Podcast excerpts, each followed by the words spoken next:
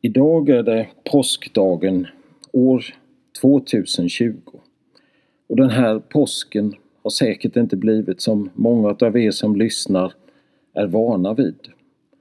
Men det är ju ändå en glädjedag idag, uppståndelsedagen. Många av er som lyssnar bor kanske i ett eget hus eller du kanske bor i en lägenhet och visst kan man trivas i ett hus utan att känna arkitekten. Kanske att någon känner den som ritade huset och kanske till och med var med och gjorde det tillsammans med honom eller henne. Men det är inte förutsättningen för att man ska trivas. Nu är det ju en fantastisk vår ute. Det bara exploderar i skönhet. Men jag undrar ändå, kan man se och vara i skapelsen utan att man känner och skulle vilja känna den som är skaparen? Jag tror det är svårt. Eftersom ett av Guds huvudsyften med naturen och skapelsen är för att vi ska lära känna honom. Och idag är det påskdagen, uppståndelsedagen. Med uppståndelsen och den tomma graven så har vi ett unikt tillfälle att lära känna skaparen. Nu under påsken är det ju många som har lediga dagar. Man ger sig tid, och det finns stora möjligheter att stanna upp och tänka efter. Och man kan stanna vid de där frågorna som har återkommit den här veckan. Varför lever jag? Vad är grunden för min tro? Vilken är den där mest centrala punkten som gör att min tro håller? Är det att Jesus gick omkring här på jorden och talade om hur man skulle leva? Är det för att han dog på ett kors? Tar man sig tid att fundera på detta så ska du se att snart inser man att hela den kristna tron står på spel här. Är Jesus död? Vad finns det då för anledning att tro på honom och satsa sitt liv på honom?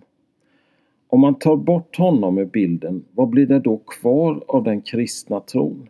Om han är död, inte kan man då tala om en bärande tro. Men om Kristus inte har uppstått, ja då är vår förkunnelse tom och tom är också er tro. Så skriver Paulus i Första Korintierbrevet 15. Och han fortsätter lite fram där. Men om Kristus inte har uppstått, då är er tro meningslöst och ni är ändå kvar i era synder. Då är också de som har avlidit i tron på Kristus förlorade.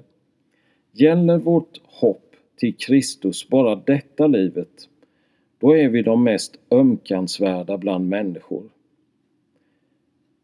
Ja, jag vet inte om du den här stilla veckan har följt med i den vandring vi har gjort in i påsken.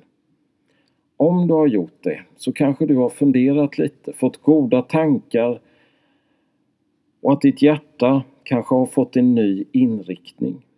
Jag tror det är så att ett av våra livs stora mål det är att göra våra hjärtan mjuka och vår blick öm. Knappast något vårt samhälle lär oss. Det är mer lämpligt att ha ett hårt hjärta och en blick som inte ser för att klara sig eller att kunna leva upp till alla dessa förväntningar.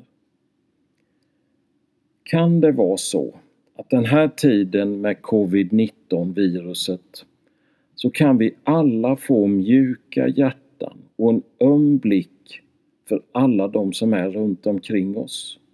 Men också för våra egna liv och våra egna hjärtan.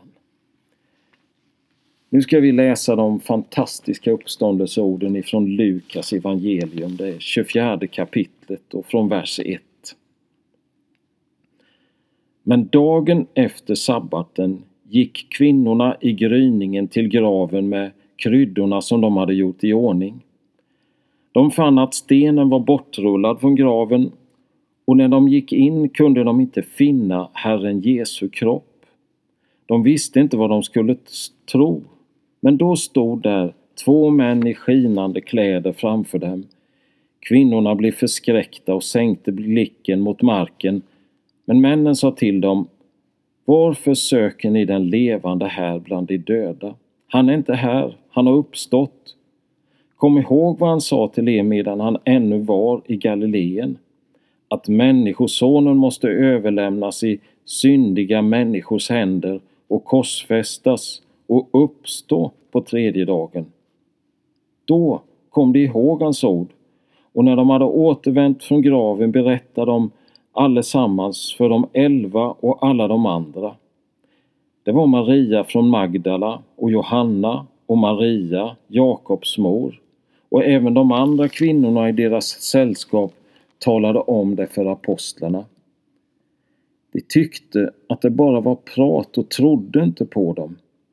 Men Petrus sprang genast bort till graven och när han lutade sig in såg han bara linnesvepningen ligga där och han gick därifrån full av undran över det som hade hänt. Amen. Ju mer man prövar den man tror på så ställs man inför en unik utmaning. Att Jesu uppståndelse från de döda visar vem han är. Uppståndelsen är den kristna trons hjärta.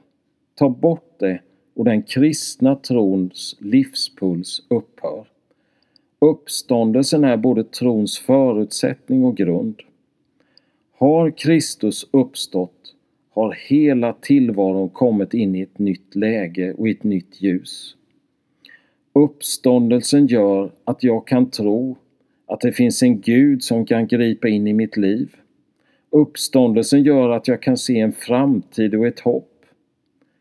Detta ger mitt liv ett värde och ett innehåll. Jag tror att vi har svårt att fatta hur lärjungarna och de närmaste runt Jesus hade det. Tänk er att de hade levt de här tre åren. Allt det de hade levt för tillsammans med Jesus, det hade slagits i spillror. Känslan kanske kom den att vara lurad. De hade ju lämnat sin familj, gett upp sitt jobb. Ja, mycket av det var borta. Och vänner som man tidigare hade haft kanske hade skrattat och betraktat dem som lite tokiga. Men den tradition som judarna hade med en längtan efter en Messias, en befrias, befriare, så måste långfredagen och dagen efter varit fruktansvärda för de närmaste. I Johannes 20 står det att han såg och trodde. Och hela Johannes evangeliet talas det om tecken som skapat tro hos dem som fick se. Och här är en lärjunge som lutar sig in i graven och tror. Från att ha levt i kaos så gick han till tro.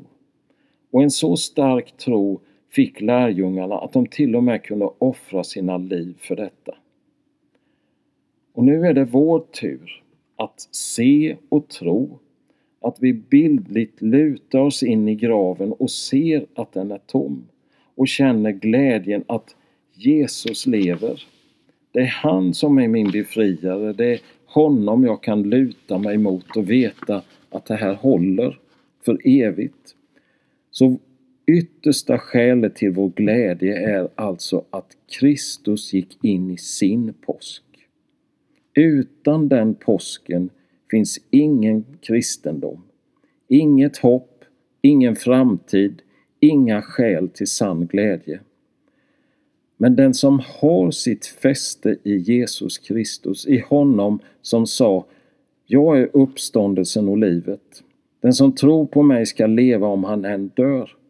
Den som har sitt fäste där, han vet att varken död eller liv, varken krafter i höjden eller något annat i skapelsen någonsin kan skilja oss från Guds kärlek. Nu får vi verkligen fira påskens glädje. Amen. Tack Jesus för att du lever. Tack för att du är vår befriare, du är vårt hopp och du är vår räddare. Amen.